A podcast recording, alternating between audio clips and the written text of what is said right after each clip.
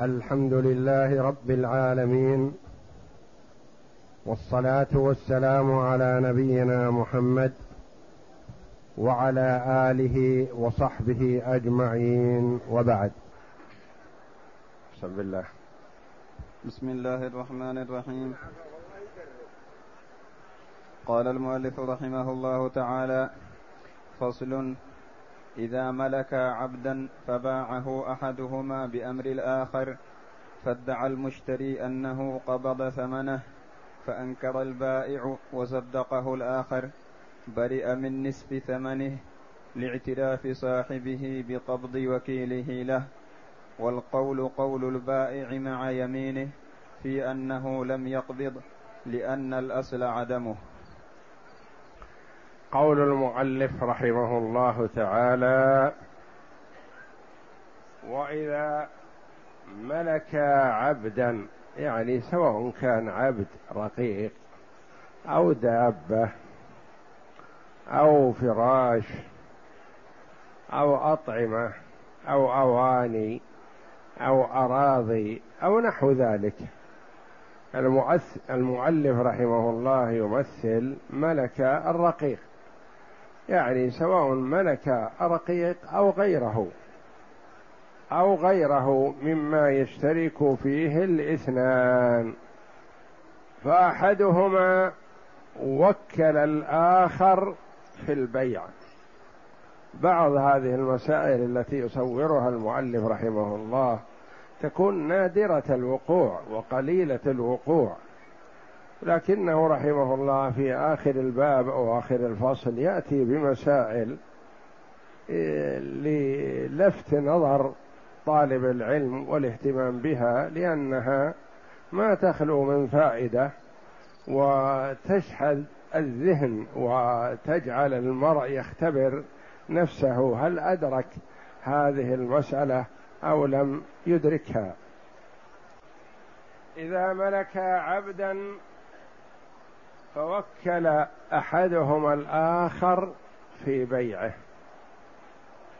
قال بعه واقبض ثمنه. يعني واحد مالك للنصف والآخر له النصف ووكل الآخر في البيع. ثم إن المشتري ادعى أنه سلم الثمن للبايع. وصدقه الآخر. يعني الموكل. وأنكر البايع الاستلام. البايع الذي باع أصالة ووكالة أنكر الاستلام. والمشتري ادعى أنه سلم. والشريك الآخر صدق المشتري في تسليم الثمن. المشتري يقول سلمت الثمن. والبايع أصالة ووكالة يقول ما استلمت شيئا. والشريك الموكل في البيع يقول رأيه مع المشتري يقول سلم. من القول قوله هنا بيمينه؟ القول قول البايع. لأنه ينكر الاستلام والأصل عدمه. لكن ماذا يقبض؟ كم يقبض؟ باعوا السلعة بمئة. والمئة بين الاثنين مناصفة. والبائع أصالة ووكالة يقول ما قبضت شيئا. والوكيل الموكل يقول نعم قبضت. والمشتري نفسه يقول سلمت الثمن. من الذي سيطالب الآن؟ البائع أصالة ووكالة. والمطالب هو المشتري. فالقول قول من هنا؟ القول قول البايع لأنه يدعي عدم القبض منكر للقبض. والقول قول المنكر للشيء مع يمينه. قول المنكر للشيء مع يمينه. لكن بماذا يطالب؟ يطالب بالمئة؟ أم يطالب بالخمسين فقط؟ يطالب بخمسين لأن هي نصيبه. ونصيب الآخر ما يشغله المطالبة بها لأنه أقر أنها أنه سلمها ووصلت. فلا يطالب بها. إذا أقره الموكل على أنه سلم فالبائع ما يطالب إلا بنصيبه فقط. لأن نصيب صاحبه قد أقر صاحبه بأنه انتقل سلم من المشتري للبائع وهو عاد يطالب به من وكله. وهذا معنى قول المؤلف رحمه الله تعالى إذا ملك عبدا فباعه أحدهما بأمر الآخر. فادعى المشتري أنه قبض ثمنه. ادعى المشتري يعني أن البايع قبض الثمن. وأنكر البايع أن يكون قبض الثمن. وصدقه الآخر صدق من؟ صدق المشتري. يقول قبض البايع قبض الثمن. برئ المشتري من نصف ثمنه لأن الشريك الآخر أقر بأن حقه قد استلم من المشتري استلمه البايع لاعتراف صاحبه الذي هو الشريك الآخر بقبض وكيله الذي هو البايع والقول قول البايع مع يمينه في أنه لم يقبض. وليس له أن يطالب إلا بالنصف فقط. لأن الأصل عدم القبض. نعم. ولا تقبل شهادة شريكه عليه. ولا تقبل شهادة شريكه عليه. هذا الذي يشهد أنه استلم ما تقبل لأنه يجر لنفسه نفعا لأن حقها الآن سيضيع. فإذا شهد فإنه يجر لنفسه نفعا يسوغ يجعله يطالب بحقه من وكيله. نعم. لأن له فيها نفعا. ودائما من كان يجر لنفسه نفعا أو يدفع عن نفسه ضررا فلا تقبل شهادته. لأنه يشهد لنفسه عبارة. الذين لا تقبل شهادتهم الوالدان لا تقبل شهادتهما لولدهما. والولدان لا تقبل شهادتهما لوالديهما. وأحد الزوجين لا تقبل شهادته للآخر. والشريك لا تقبل شهادته لشريكه. ومن يجر لنفسه نفعا لا تقبل شهادته. وتقبل شهادة هؤلاء عليهم على أولئك. يعني شهادة الولد تقبل على أبيه وشهادة الوالد تقبل على ولده لكن لا تقبل له. وشهادة العدو لا تقبل على عدوه. وتقبل له. فإذا حلف قبض, قبض نصيبه من المشتري فإذا حلف من هو؟ البايع قبض نصيبه فقط يعني نصف القيمة من المشتري. نعم. ولم يشاركه شريكه فيه. ولم يشاركه شريكه فيه. ما يقول أنت قبضت خمسين أعطني نصفها؟ لأنه أقر باستلام الحق سابقا وهذا الاستلام الأخير يعتبر ظلم. فلا يطالب بنصيبه مما يعتقد أن صاحبه ظلم المشتري فيه. نعم. لأنه يدعي أنه يأخذه ظلما. يعني أن البائع يأخذ من المشتري الثمن ظلم لأنه عبارة أخذه مرة ثانية. نعم. وإن كان البائع ادعى أن شريكه قبض الثمن كله فأنكر لم تبرأ ذمة المشتري لأنه لم يوكله في القبض وليس وليس للبائع مطالبة المشتري بأكثر من نصيبه. لاعترافه بأن ذمته برئت من نصيب صاحبه. نعم. وإن كان البائع ادعى أن شريكه قبض الثمن كله فأنكر لم تبرأ ذمة المشتري لأنه لم يوكله في القبض.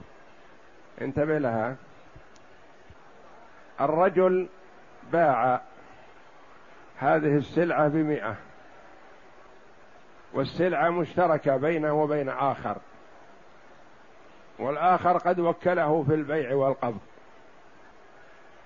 فجاء الشريك غير البايع للمشتري. وقال يا أخي باع عليك شريكي كذا وكذا بمئة سلمني إياها. قال نعم خذ هذه. هذه المئة قيمة السلعة التي اشتريت من شريكك. من الذي قبض؟ غير البايع وغير الوكيل.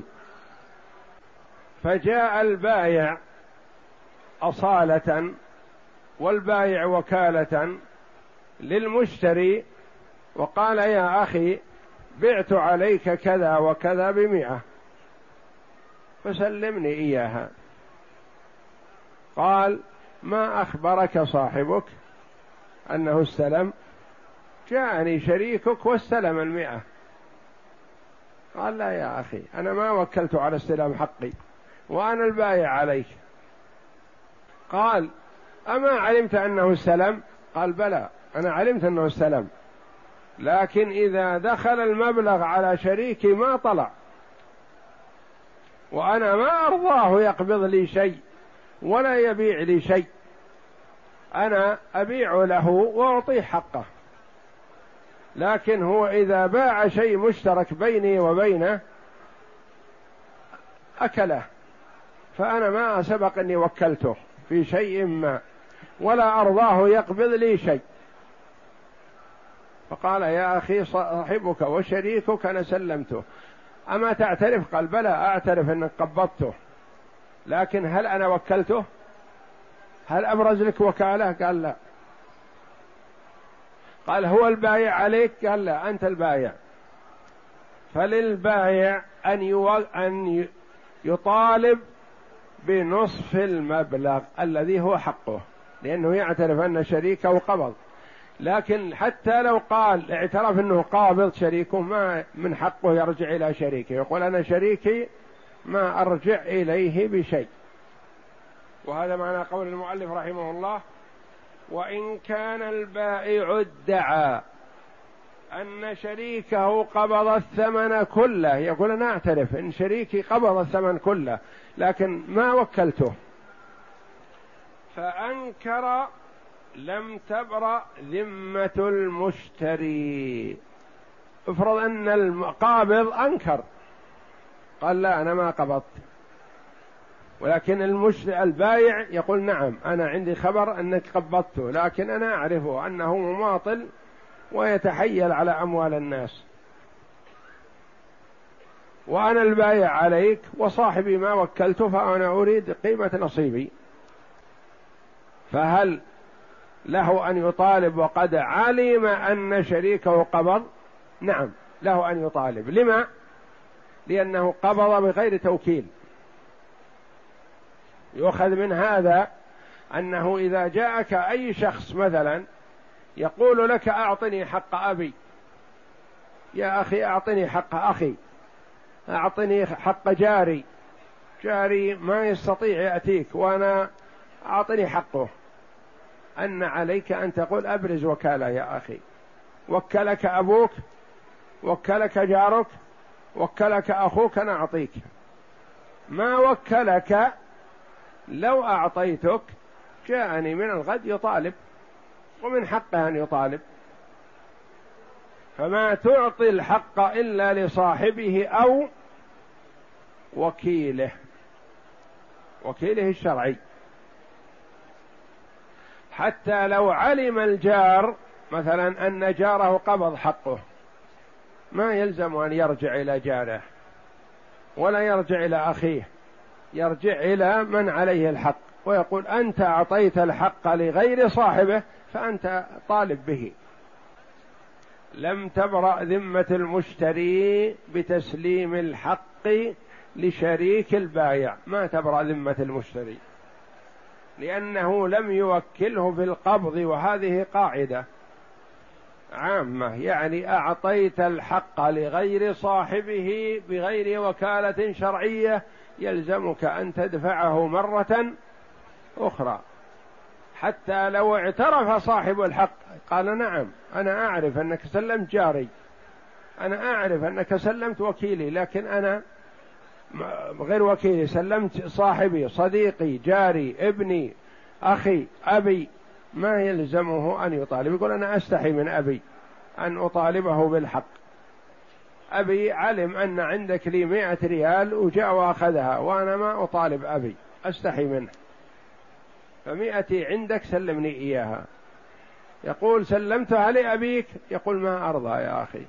ما وكلت أبي وإذا دخل المال على أبي إن أعطاني إياه قد يعطيني إياه وقد يتناسى وأستحي أن أقول له. فأنا حقي عندك فيلزمك أن تدفعه مرة أخرى. يعني على هذا إن الواحد ما يسلم الحق إلا لصاحبه أو وكيله الشرعي. كثير من الناس يتساهل في هذا الأمر. يأتيه يقول الأب يقول عندك لابني ألف ريال سلمني إياه. عندك لأخي ألف ريال سلمني إياه. عندك لي ولدي ألف ريال سلمني إياه. تقول أنا عندي لأبيك أو لولدك أو لأخيك أو لجارك لكن ما أسلم الحق إلا لصاحبه أو وكيله فلو سلمته جاءك صاحب الحق يطالبك به لأنه لم يوكله في القبض. يقول إن أبرز لك وكالة في في الاستلام نعم سلمه لكن ما أبرز لك وكالة ما يسوغ لك يا أخي. نعم. وليس للبائع مطالبة المشتري بأكثر من نصيبه الذي هو النصف في الشيء المشترك لاعترافه بأن ذمته برئت من نصيب صاحبه. يقول أنا أعلم أنك سلمت صاحبي المبلغ كامل لكن أنا أطالب بحقي ولا أطالب بحق صاحبي. نعم. فإذا قبض نصيبه فلصاحبه مشاركته فيه لأن دينهما واحد. فإذا قبض الآخر هذا نصيبه فلصاحب الحق الآخر مطالبة شريكه بنصف ما قبض. يقول يا أخي أنت بعت السلعة هذه على فلان وقد وكلتك في البيع والقبض فسلمني نصف القيمة وإن كان سلم القيمة كاملة من صاحبه من حقه أن يطالب لأنه يقول أنا وكلتك في القبض وأنت قبضت. لأنه حينما يقول وكلتك في القبض وقبضت نصف القيمة ينكر أنه استلم لأن دينهما واحد. فإذا رجع عليه لم يكن للمقبوض منه مطالبة المشتري بشيء آخر. يعني البايع والوكيل طالبه صاحبه فأخذ نصف الثمن. نصف النصف الذي استلمه. فليس للبايع أن يرجع إلى المشتري ويقول أنا سلمت صاحبي نصف الثمن سلمني الباء مقابل ما سلمت ليس له ذلك لأنه كان معترف أن المشتري برئ ذمته برئت ذمته من الثمن كله. نعم. لاعترافه بقبضه لجميع حقه. لاعترافه بقبض لجميع حقه. قد استلمه نعم. وأن ما يأخذه صاحبه منه ظلم. يعني هو يدعي أن صاحبه يأخذ منه نصف هذا المبلغ ظلم فإذا كان المطالب بالشيء يرى أنه ظلم ليس له أن يرجع على الآخر. كيف تظلم أنت ثم ترجع تظلم الآخر؟ إذا ظلمت أنت فاحتسب ظلامتك عند الله ولا تطالب. وهذه يعني تحصل كثيرا بغير صورة البيع أو الغلام أو الرقيق أو العبد تحصل كثير. يعني يقبض أحد الشريكين فالبائع يقول ما وكلته ولا أمرته بالقبض فيغرم الآخر. أو يعترف أحدهما وينكر الآخر أو يعترف الآخر أحدهما ينسى الآخر. فمن حق مسلم الحق دائما أن يحتاط لنفسه بالاشهاد أو الكتابة ولا يسلم إلا لمن له الحق أو وكيله حتى يحتاط لنفسه وإلا ما تبرأ ذمته. قد يطالب بالشيء أكثر من مرة. نعم. ويحتمل أي أنه ليس لصاحبه مشاركته. لأنه ملك الاثنين وعقد الواحد مع مع مع اثنين كعقدين. ويحتمل ألا يقب ألا يسوغ له أن يطالب صاحبه بشيء لأنه ملك الاثنين المبيع وملك الاثنين إذا بيع على واحد أصبح بمثابة العقدين. وإذا كان لرجلين عقدين على رجل آخر فليس من حق أحدهما أن يطالب صاحبه باستلام شيء من حقه وإنما يطالب من عليه الحق. والله أعلم. وصلى الله وسلم وبارك على عبده ورسول نبينا محمد وعلى آله وصحبه أجمعين.